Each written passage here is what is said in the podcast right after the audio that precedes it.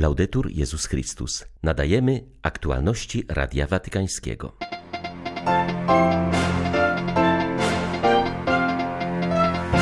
Zagrożeniem dla pokoju jest partykularyzm i nacjonalizm, egoistyczne interesy i chciwość, powiedział papież na audiencji dla organizacji żydowskiej Zakon Synów Przymierza.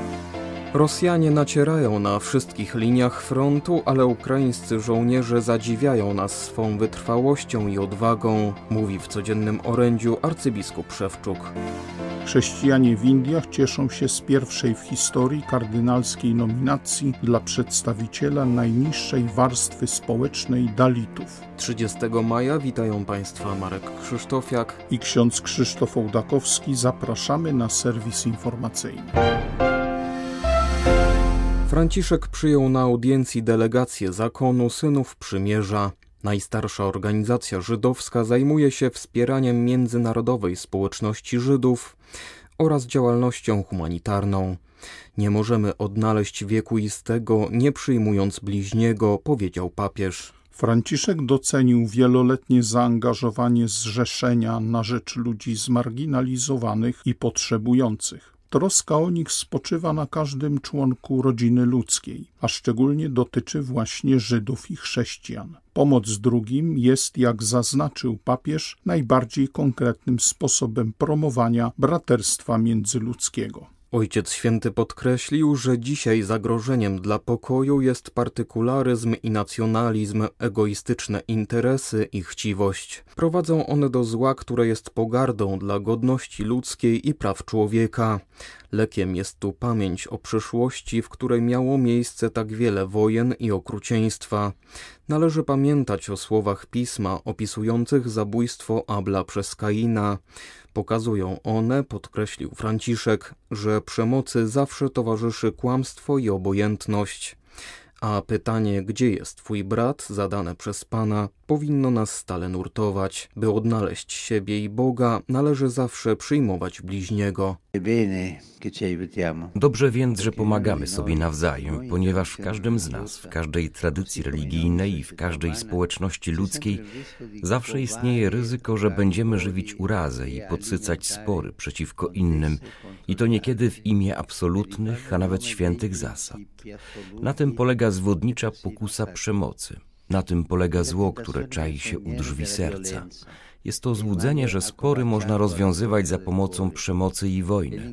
Jednak przemoc zawsze rodzi więcej przemocy. Broń rodzi tylko śmierć, a wojna nigdy nie jest rozwiązaniem, lecz problemem, porażką.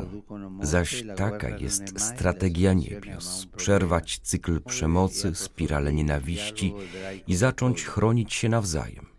Mam nadzieję, że będziecie w tym wytrwali, że będziecie nadal chronić nasze siostry i braci, zwłaszcza tych najbardziej bezbronnych i zaniedbanych. Możemy to zrobić razem. Możemy pracować dla ubogich, pokoju, sprawiedliwości i ochrony stworzenia. Idźmy razem naprzód w oparciu o nasze wspólne wartości duchowe, aby bronić godności ludzkiej przed wszelką przemocą i szukać pokoju.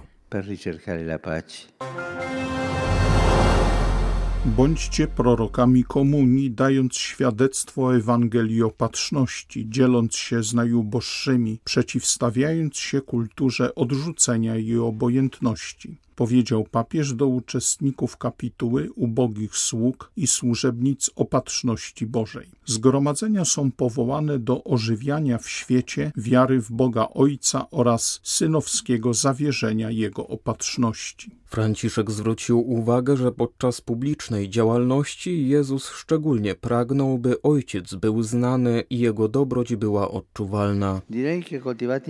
Powiedziałbym, że kultywowanie zaufania do Bożej opatrzności razem z ubogimi czyni nas rzemieślnikami kultury opatrzności.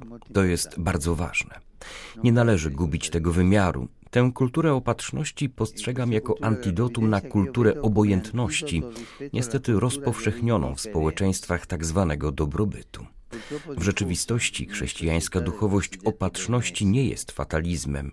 Nie oznacza oczekiwania, że z nieba spadnie deszcz rozwiązań problemów i potrzebnych nam dóbr. Nie. Przeciwnie, oznacza to staranie się, by w Duchu Świętym upodobnić się do naszego Ojca Niebieskiego w trosce o Jego stworzenia, zwłaszcza te najsłabsze, najmniejsze. Oznacza to dzielenie się z innymi tym, co mamy aby nikomu nie zabrakło tego, co konieczne. Jest to postawa troski bardziej niż kiedykolwiek potrzebna, aby przeciwstawić się postawie obojętności. Masowe przesiedlenia spowodowane konfliktem na Ukrainie to największy ruch uchodźców w Europie po II wojnie światowej, przypomniał papież w przesłaniu do Międzynarodowej Katolickiej Komisji do Spraw Migracji. Franciszek podziękował za odpowiedź kościołów na ten kryzys, zaznaczając jednak, że nie można zapominać o milionach osób ubiegających się o azyl, uchodźców i przesiedleńców w innych częściach świata którzy rozpaczliwie potrzebują przyjęcia, ochrony i miłości. Jako Kościół chcemy służyć wszystkim i ciężko pracować na rzecz budowania pokojowej przyszłości, napisał papież do członków komisji.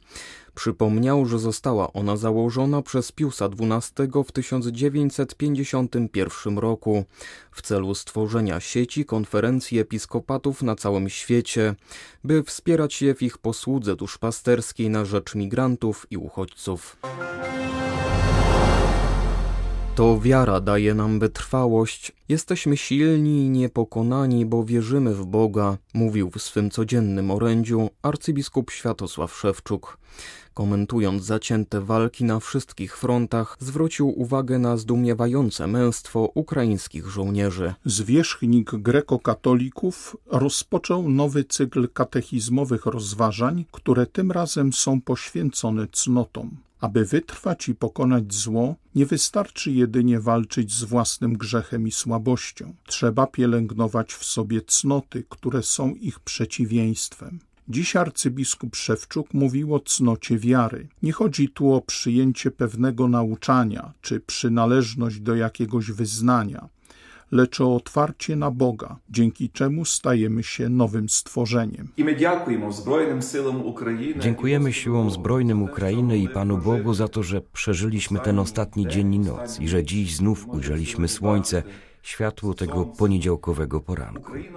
Ukraina stoi w ogniu. Na wszystkich liniach frontu toczą się ciężkie walki. Rosjanie używają wszelkiego rodzaju uzbrojenia, artylerii, lotnictwa, wszystkich śmiercionośnych broni, jakie wymyśliła ludzkość. Jesteśmy naprawdę zdumieni odwagą i odpornością naszego ukraińskiego wojska. Każdego dnia wzrasta w Ukraińcach pewność, że to dzięki naszej wytrwałości zwyciężymy naszego nieprzyjaciela. Wytrwałość jest jednym z przejawów zwycięstwa, zwłaszcza w walce duchowej. Dzięki temu, że Ukraińcy są narodem wierzącym, dzięki temu, że wierzymy w Boga, jesteśmy silni i niepokonani. Dzięki temu, że jesteśmy silni Bożą mocą, jesteśmy w stanie zwyciężyć, zwyciężyć zło, nieprzyjaciela i wytrwać w naszej walce. Boże, umocnij naszą wiarę. Błogosław Twój wierny naród. Boże, pobłogosław dzieciom Ukrainy. Daj byśmy wierząc w Ciebie, wierzyli też człowieka stworzonego na Twój obraz i podobieństwo. Daj nam wiarę w zwycięstwo Ukrainy. Aktualności Radia Watykańskiego. Wśród mianowanych wczoraj kardynałów znalazł się arcybiskup Hyderabadu, który wywodzi się z Dalitów, czyli najniższej z kast w Indiach. Ustanowienie kardynałem arcybiskupa Antonego Polli jest precedensem. Jest to wola Boża, którą przyjmuję z pokorą. Nie jestem godzien, jestem wdzięczny papieżowi za jego zaufanie. Ta nominacja jest zaszczytem dla regionu Telugu i przyczyni się do wzrostu wiary Kościoła w Andhra Pradesh i Telanganie. Jestem Dalitem, a więc jest to dobra wiadomość dla katolików Dalitów i całego Kościoła w Indiach, powiedział sam kardynał nominat. To wielka radość dla Dalitów, którzy stanowią ponad 65% wiernych Kościoła katolickiego w Indiach. Franciszek chce, by Kościół był synodalny, słuchał wszystkich, także tych najmniejszych. Teraz także chrześcijanie Dalici czują, że po latach zmagań zostali wysłuchani, powiedział z kolei ojciec Bosko, jezuita działający na rzecz Dalitów. Mianowanie arcybiskupa Polli następuje po dziesięcioleciach protestów katolickich grup Dalitów, które domagały się dostępu dla osób z ich społeczności do wyższych urzędów w kościele. Nominacja kardynalska dla arcybiskupa Marsylii to zwrócenie uwagi na basen Morza Śródziemnego. Tak o swym wywyższeniu do godności kardynalskiej mówi arcybiskup Jean-Marc Avelin. On sam pochodzi z Algierii, która w czasach jego dzieciństwa należała do Francji. W 1984 roku został kapłanem wieloreligijnej i wielokulturowej Marsylii, której od trzech lat jest arcybiskupem. Jego zdaniem kardynalska nominacja to docenienie tego miasta i prowadzonej w takich warunkach misji Kościoła.